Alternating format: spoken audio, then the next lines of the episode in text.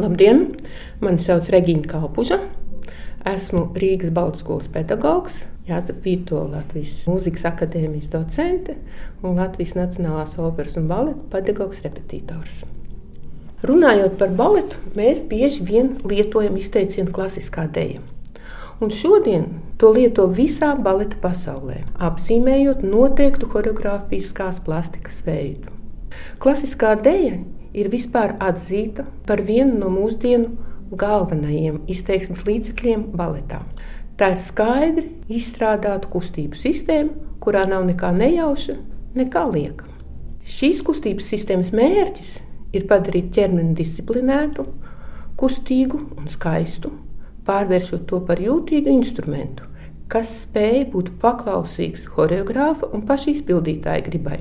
Klasiskā dēļa, kā baleta izteiksmes līdzeklis, savu attīstības ceļu ir uzsākusi jau 17. gadsimtā, kad balets kļuva par līdzvērtīgu mūzikas teātra žanru.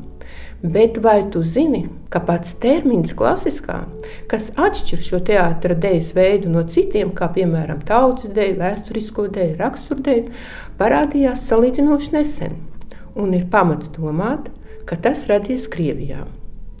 Par to mums vēsta ieskats vēsturē.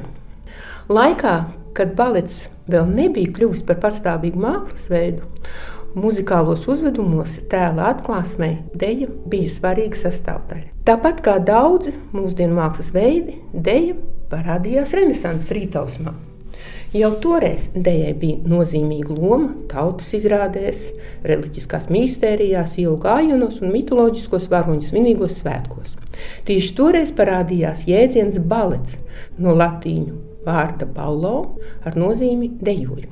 16. gadsimtā Francijā balets kļuva par muzikālās un dramatiskās galma izrādes neatņemamu sastāvdaļu, un galmā angļu maskas žanrā ieņēma ievērojamu vietu.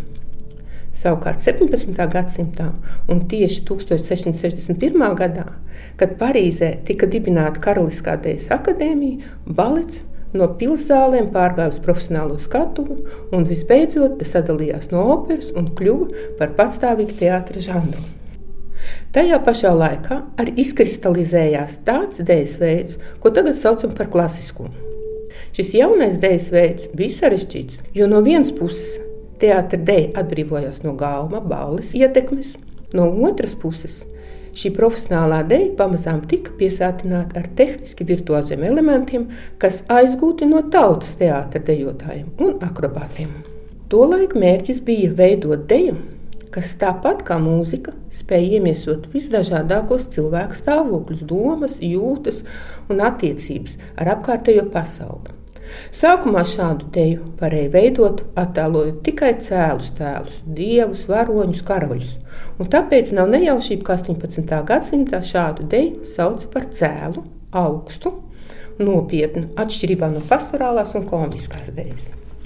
Pagrieziena punkts klasiskās dēļas liktenī bija romantisma laikmets, kad baleta izrādes varoņi bija saistīti ar silfīdām, nereīdām, driādām un citām fantastiskām būtnēm. Tieši šie tēli izaicināja dejotājus atrauties no zemes, tā viņus pacēlās uz pirkstgaliem, uz speciālām kurpēm, puantēm, lai varētu dejot uz pašiem, pašiem pirkstu galiņiem. Šī kvalitatīva jaunā tehnika kļuva par sieviešu klasiskās dēļas pamatātribūtu, bet arī tad vēl šo dēļas veidu nesauc par klasisko dēļu. Šis termins netiek lietots arī 19. gadsimta itāļu choreogrāfa skolotāja Karlo Blazis darbos. Šo terminu nelietoja arī choreogrāfs un teorētiķis Leopolds Adis savā darbā par Taljoni skolu. Tolaik tika runāts par deju kopumā vai par teātra deju. Leopolds Adis, sadalot to žanros, akcentēja balona deju, deju uz pirkstiem, tera tēra vai nelielu spēka deju, nopietnu žanru un tā tālāk. Tomēr itāļu dejotāja, choreogrāfa, pedagoga un baleta teorētiķa Karlo Blazisa grāmatā Dejas vispār, baletas slavenības un nacionālās dejas, kas 1864. gadā Krievu valodā tika izdotas Maskavā, mēs negaidīti atrodam šo terminu. Tas tur sastopams tikai vienu reizi, un pat tad zem svītras piezīmē. Stāstot par savu baletu, divas dienas Venecijā, ja Venecijas karnevāls, Blazis to sauc par milzīgu choreogrāfisku panorāmu, kas sastāv no visdažādākajām ainām, kuras rotā visi dēļas veidi, sākot no klasiskām dēļām līdz nacionālām un tautas dēļām. Tas neapšaubām ir viens no agrākajiem tās eksistences piemēriem literatūrā par dēļu. Interesanti, ka līdz tam vārds klasiskais, runājot par baletu, paretam parādījās nevis kā īpašs termins, bet gan kā epitets, kas raksturo konkrēta izpildītāja individuālās īpašības. Tāpat 1864. gadā, kad tika publicēta Blāzisa grāmata Maskavas žurnālā Antrakt, jeb starpbrīdis, aprakstnieks izteica lielu nožēlu, ka vērienīgums, spēks, triki, veiklība brīžiem sāk parādīties mūsdienu dejās un aizstāt tajās grāciju, atturību, precizitāti, konkrētību, vārdu sakot, stingru māksliniecisku klasisko skolu. Šeit izteiciens klasiskā dejas skola ieguva detalizētu un precīzu raksturojumu un programmatisku nozīmi. Tādējādi varam pieņemt, ka tieši šis periods, 19. gadsimts, ir šī termina dzimšanas laiks Krievijā.